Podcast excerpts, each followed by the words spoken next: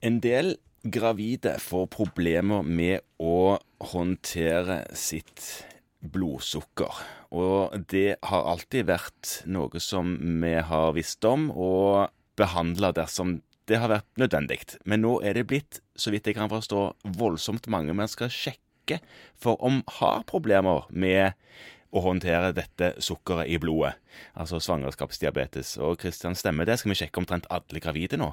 Ja. Mer eller mindre. På en måte, ja. Vi skal det. Vi skal i hvert fall tenke enda mer systematisk om det enn det vi gjorde før. Vi skulle nok egentlig sjekke ganske mange før òg, men, men nå har det blitt veldig sånn strengt. Og jeg tror det som er lurt å tenke da, er at vi skal dele den gruppa inn i, i utgangspunktet i tre når vi snakker om svangerskapsdiabetes. Tre typer gravide. Nei, ja, eller ja, det er mange typer gravide, men tenker du at det er de som har diabetes og blir gravide, og så er det de som har en diabetes og ikke vet om det, og blir gravide.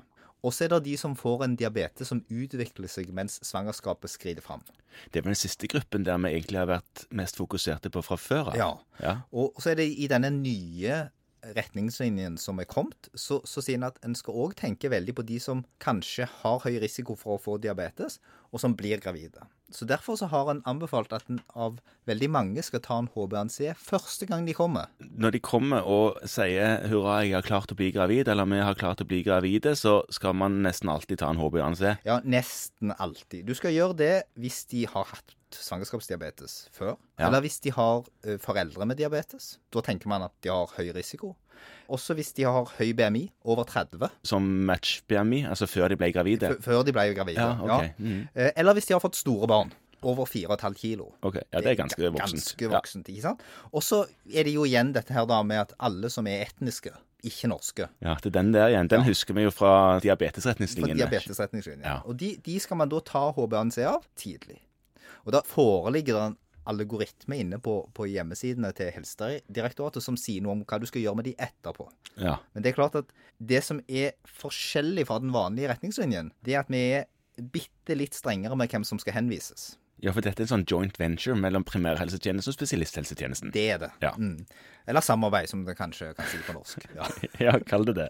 Kall det det. Men det er iallfall et samarbeid, da. sant? Det er Det- ikke, vi sitter ikke alene med disse. Vi sitter ikke alene med disse. ikke sant? Sånn at, at hvis de har en HbA1c på over 5,9, så skal man henvise dem. HbA1c på over 5,9. Ja. Det er jo ikke så Ja ja, det er kanskje litt høyt. Det, det er for høyt hvis Ja. man på en måte er på vei inn i svangerskapet. Og Ja. Grunnen til det er at det er forskning som viser at hvis du har det i det øyeblikket du blir gravid, så er sjansen for at du får en skikkelig fullskala svangerskapsdiabetes i løpet av de ni månedene du har tenkt å gå gravid, Mm, den er overhengende. Så de må vi passe på. greit. Så, så det er den gruppen. Og så er det jo den gruppen som har diabetes. Det er den enkle gruppen. Det vet vi jo som oftest om. Og så er det den siste gruppen som du nevnte på, Ja. som jo er alle de andre. Altså de som da har, enten har en normal HbA1c ved inngang til svangerskapet, eller der det ikke er indisert å ta den HbA1c ved Ja. inngang til svangerskap. Der skal man i uke 24 pluss kanskje opp mot 28 gjøre en glukosebelastning. Så det er ikke ute, altså. Man kan fortsatt drive på med den glukosebelastningen. Ja, ikke bare er det ikke ute, men man må. Man må, ja. Ja, og der er det bare mange.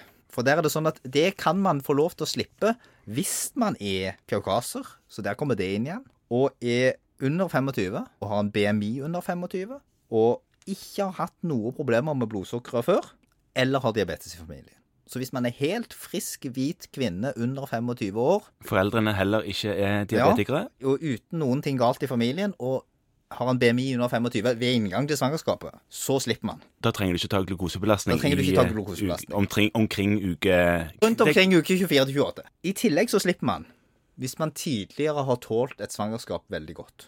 Ok, så Ja, for det, da har du vist at du, du takler det. Ja, Og da slipper man helt fram til man blir 40. Så, så jeg sa det til en ung kvinne som var hos meg i dag for det, at eh, nå må du gjøre det nå, for hun var akkurat 25 og førstegangsgravid. Hvis dette går fint, og det ser det ut som det gjør, så, så slipper du fram til du blir gravid etter at hun, du blir 40. Det hadde hun ikke tenkt å bli.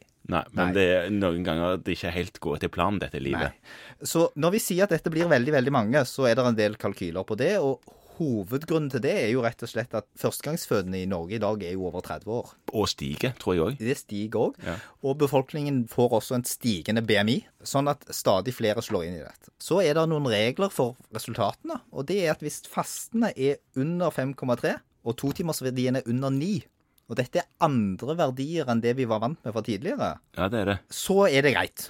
Da har de ikke svangerskapsdiabetes. Hvis den fasten er mellom 5,3 og 6,9, og det er ikke så veldig høyt Nei, det er et poeng. Ja. For det er ikke så himla høyt. Nei. Eller mellom 9 og 11, så har de en svangerskapsdiabetes. Men de kan vi følge opp selv.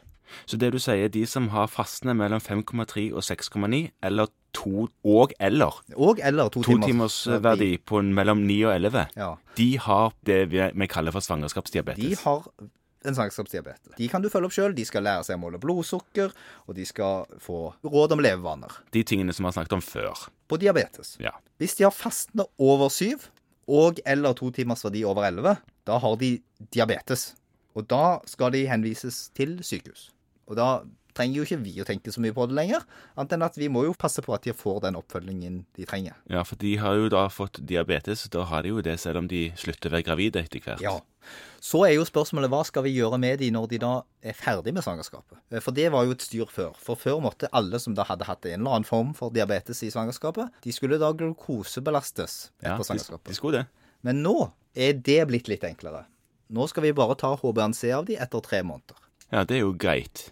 Det er jo mye enklere. Mm. Sånn at på den siden har det blitt litt mindre arbeid. Men har vi det da? Altså Dette flytskjemaet som du refererer til, det finner man på sidene til Helsedirektoratet? Ja, og det er litt sånn at man må lese det med lys og lykte, fordi at det er ikke intuitivt. Men man må bare gjøre dette. Mhm. eh, og så når du har gjort det noen ganger, så går det bedre.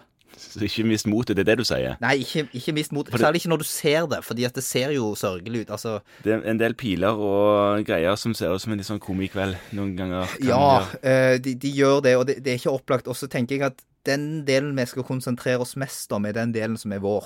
ja. Og så i mindre grad den delen som er sykehuset sin. Den venstre delen av det flytskjemaet som er vår. Mm. OK, da stopper vi der, tror jeg. Jeg med tror vi det. tar en pause der. Ja.